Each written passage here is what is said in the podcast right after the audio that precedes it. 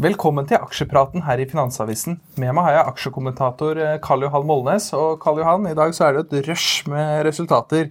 Vi kan vel starte med Elkem, som er opp 5 eh, Hva skyldes det?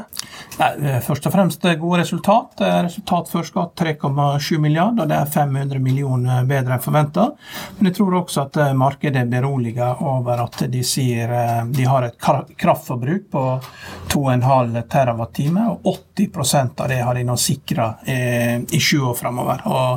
eh, for å sette det tallet litt i størrelse, da, så strømeksporten i Norge var på eh, rundt netto strømeksport var på 18 terawatt i fjor. og Det er også det samme som Norsk Hydro bruker da, av kjøpt og, eh, og, eid kraft. da. Så de disponerer også 18 terawatt. Men Elkem disponerer 2,5 terawatt og er oppe 5% på gode resultat og beroliger at de har strøm til å drive. En annen eh, tungvekter som la frem tall i dag, var, var, Telenor, som uh, leverte litt bedre enn forventning, men så måtte de gjøre en nedskrivning i Pakistan. Hva er din vurdering av rapporten? Nei, den, eh, Det er jo eh, gode tall i kjernen her, med, med EBITDA på 12,1 eh, milliard mot forventa 12,2, så det er litt svakere enn forventa. Men det som er overraskelsen, er, er en nedskrivning i Pakistan på 2,5 milliard. Og det er også noen finansielle poster som gjør at nettoresultatet ser veldig svakt ut. Men alt dette her er, det er engangsnedjusteringer. Og nedskrivningen i Pakistan det er i forbindelse med en lisensfornyelse fornyelse.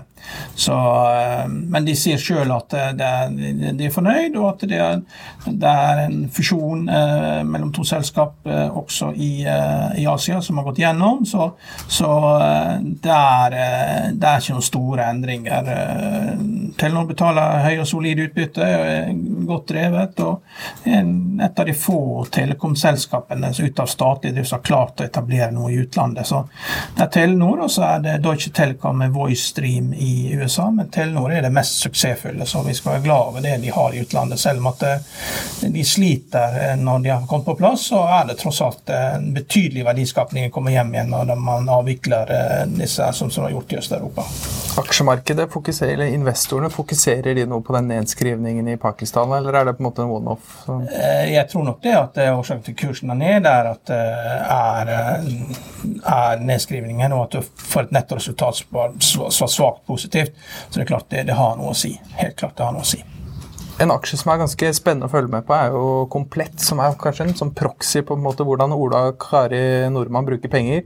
Inntektene fra forbrukersegmentet ekskludert netto nett, var det 27 ja.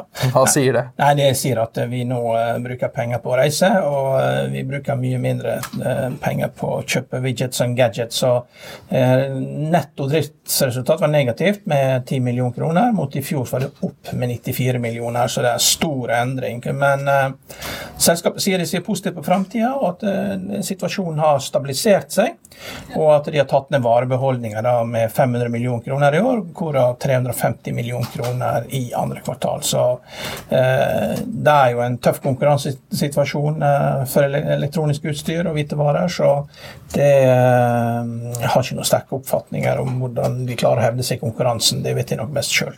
Er det en aksje man burde være litt forsiktig med? Eh, kan ikke noe om det til å si det. Eh, men det er klart det, det, er jo negativ momentum, så man vil jo gjerne like å se at de snur dette før man skal eh, investere i aksjen. Og så må vi avslutte litt med å, eh, vi må avslutte å snakke om eh, SAS. Nå er pilotstreiken over, aksjen flyr opp. Ja. Ja, det er, SAS har vært opp mellom 10 eh, og 25 i dag. Den uh, trader nå voldsomt opp her. og det er klart det, Den uh, aksjekapitalen der den er jo for alle praktiske formål tapt når man kommer gjennom chapter 11-restruktureringen.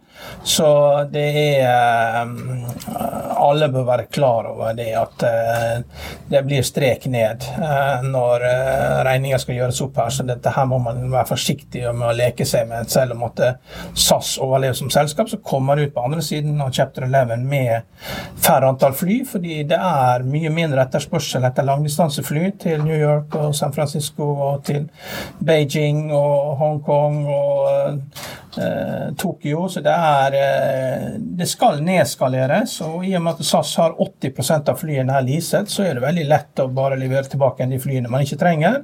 Og så må man da restrukturere. Man må alltid, alltid når man bygger et selskap, så må man bygge etter etterspørselssiden se hvor er det etterspørsel, og så må man da finne ut hvilke fly man da trenger, og så bygge det opp deretter. Og Det er for tidlig å si hva det vil ha å si for Norwegian Air Shuttle og fly og dette.